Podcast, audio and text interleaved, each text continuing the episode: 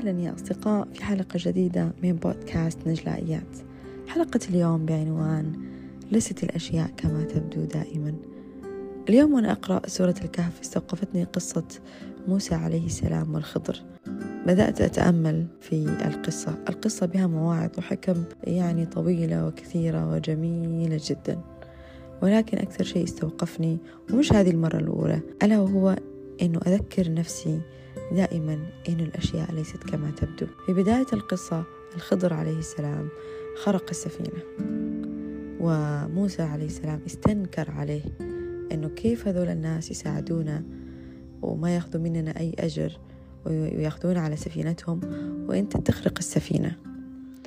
أم لو إحنا شفنا يعني نظرنا للموضوع من الناحية الأخرى من ناحية أصحاب السفينة لما اكتشفوا إنه في شخص خرق لهم السفينة. وقد إيه هم حيكونوا مستائين أو زعلانين أو غضبانين حتى. طيب كان في نفع في القصة. يمكن ما كان باين وواضح وظاهر لموسى عليه السلام. النفع اللي كان موجود إنه بسبب هذا الفعل السفينة أو الحاكم الجائر الظالم اللي كان يأخذ السفن آه ما راح يأخذ السفينة. فقد إيه الفعل في ظاهره عن ضرر وفي باطنه النفع والخير. وبدأت أتأمل في أشياء كثير حوالينا. سبحان الله سواء من الأشخاص الأشياء الأفعال اللي قد تبدو في ظاهرها ضرر وفي ظاهرها شر ولكن تحمل في باطنها الخير والنفع والشيء الجيد أو الشيء الحسن.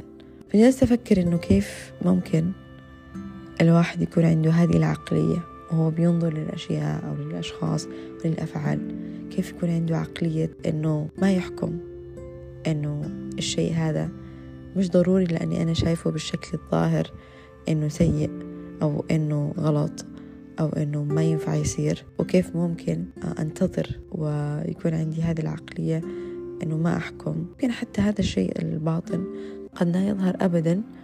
وممكن ما أعرف ليش هذا الشيء أو هذا الشخص أو هذا الفعل صار.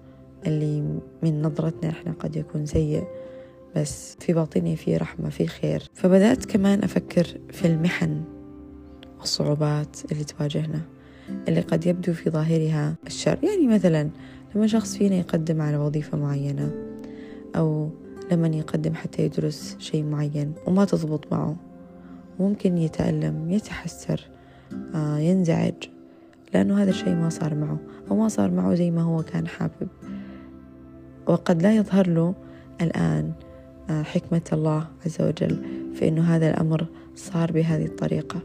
لكن فيما بعد لو رجع به الزمان حيقول أنه لا يمكن كان آه الأمور تترتب بهذا الشكل لولا لطف الله عز وجل. فكيف ننمي هذه العقلية ونطورها وما نحكم وبالعكس نتريث ونشوف إنه حتى لو إحنا مش عارفين خلف الصورة وخلف الفعل وخلف هذا الشيء باطنه إيش هو؟ ولكن يكون عندنا هذه العقلية في إنه ما نتسرع لنحكم وما نتسرع لننظر للأشياء مرة أخرى بطريقة مختلفة بطريقة إيجابية بطريقة كلها حكمة.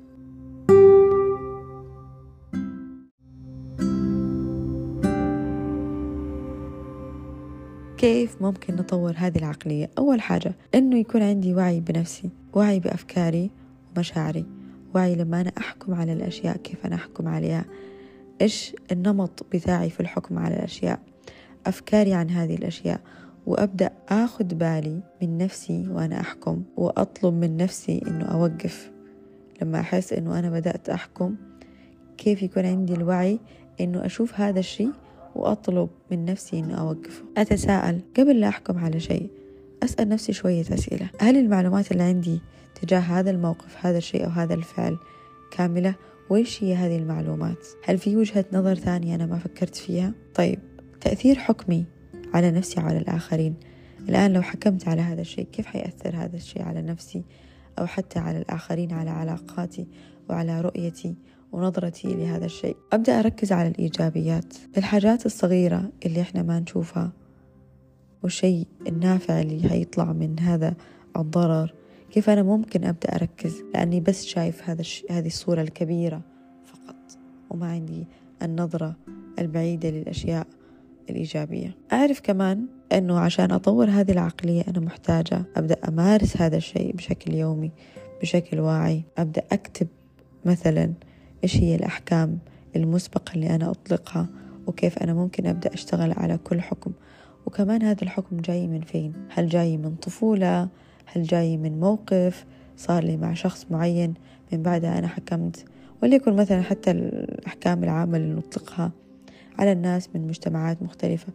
أو هذا الشخص كذا خلاص لا أنا ما أتعامل مع الناس.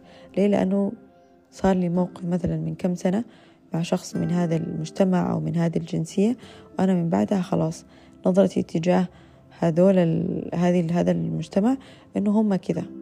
ليش؟ وهو كان تصرف واحد صغير من شخص.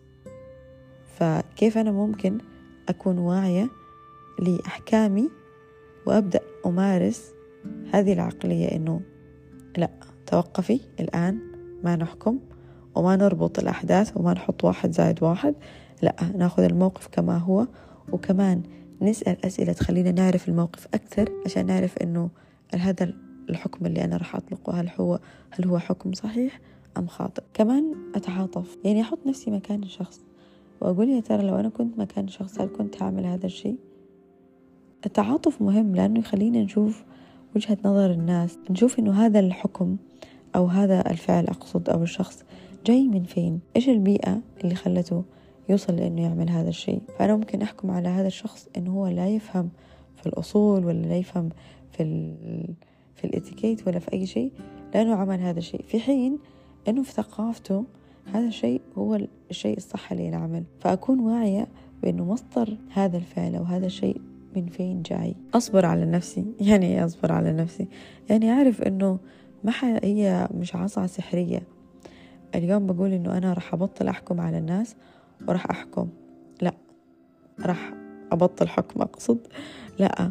أعرف إنه الموضوع يتطلب مني صبر وجهد إنه أعرف النمط بتاعي وإنه أوقف نفسي ويكون عندي وعي آه إنه أبدأ أصبر آه إنه أبدأ أسئلة إنه حتى أطلب من الناس يشرحوا لي وجهة نظرهم قبل لا أحكم عليهم إني أعطيهم فرصة أفهم منهم. وشفتوا أنتوا كمان في قصة آه، موسى والخضر. يعني موسى كان بيستنكر في كل يعني في في القصص المختلفة اللي اللي وردت أو في المواقف المختلفة اللي وردت. موسى كان يستنكر ما كان يسأله. يعني كان على طول يقول للخضر عليه السلام إنه كيف أنت تعمل كذا على طول. يعني ما كان يقول له ليش أنت عملت كذا لا كان على طول يقول له كيف أنت عملت كذا هذول الناس صار يعني أنت حتعملهم واحد واثنين وثلاثة. يعني ما كان حتى يتوقف ليسأل. ليش؟ لأنه إحنا بطبيعتنا البشرية ما عندنا هذه هذا الصبر. آه مش كلنا طبعا بس بس الأغلبية العظمى ما عندها هذا الصبر صبر إنه لأ انتظري اسألي وبعدين أحكمي. لأ هو على طول أوتوماتيك مخنا بيعمل واحد زائد واحد لأنه اتعود على هذا الشيء لأنه صار عنده هذا الموقف يعني هذا الشيء زائد هذا الشيء معناه كده. معناه إنه شخص آه، أذى حد معناه هو كده.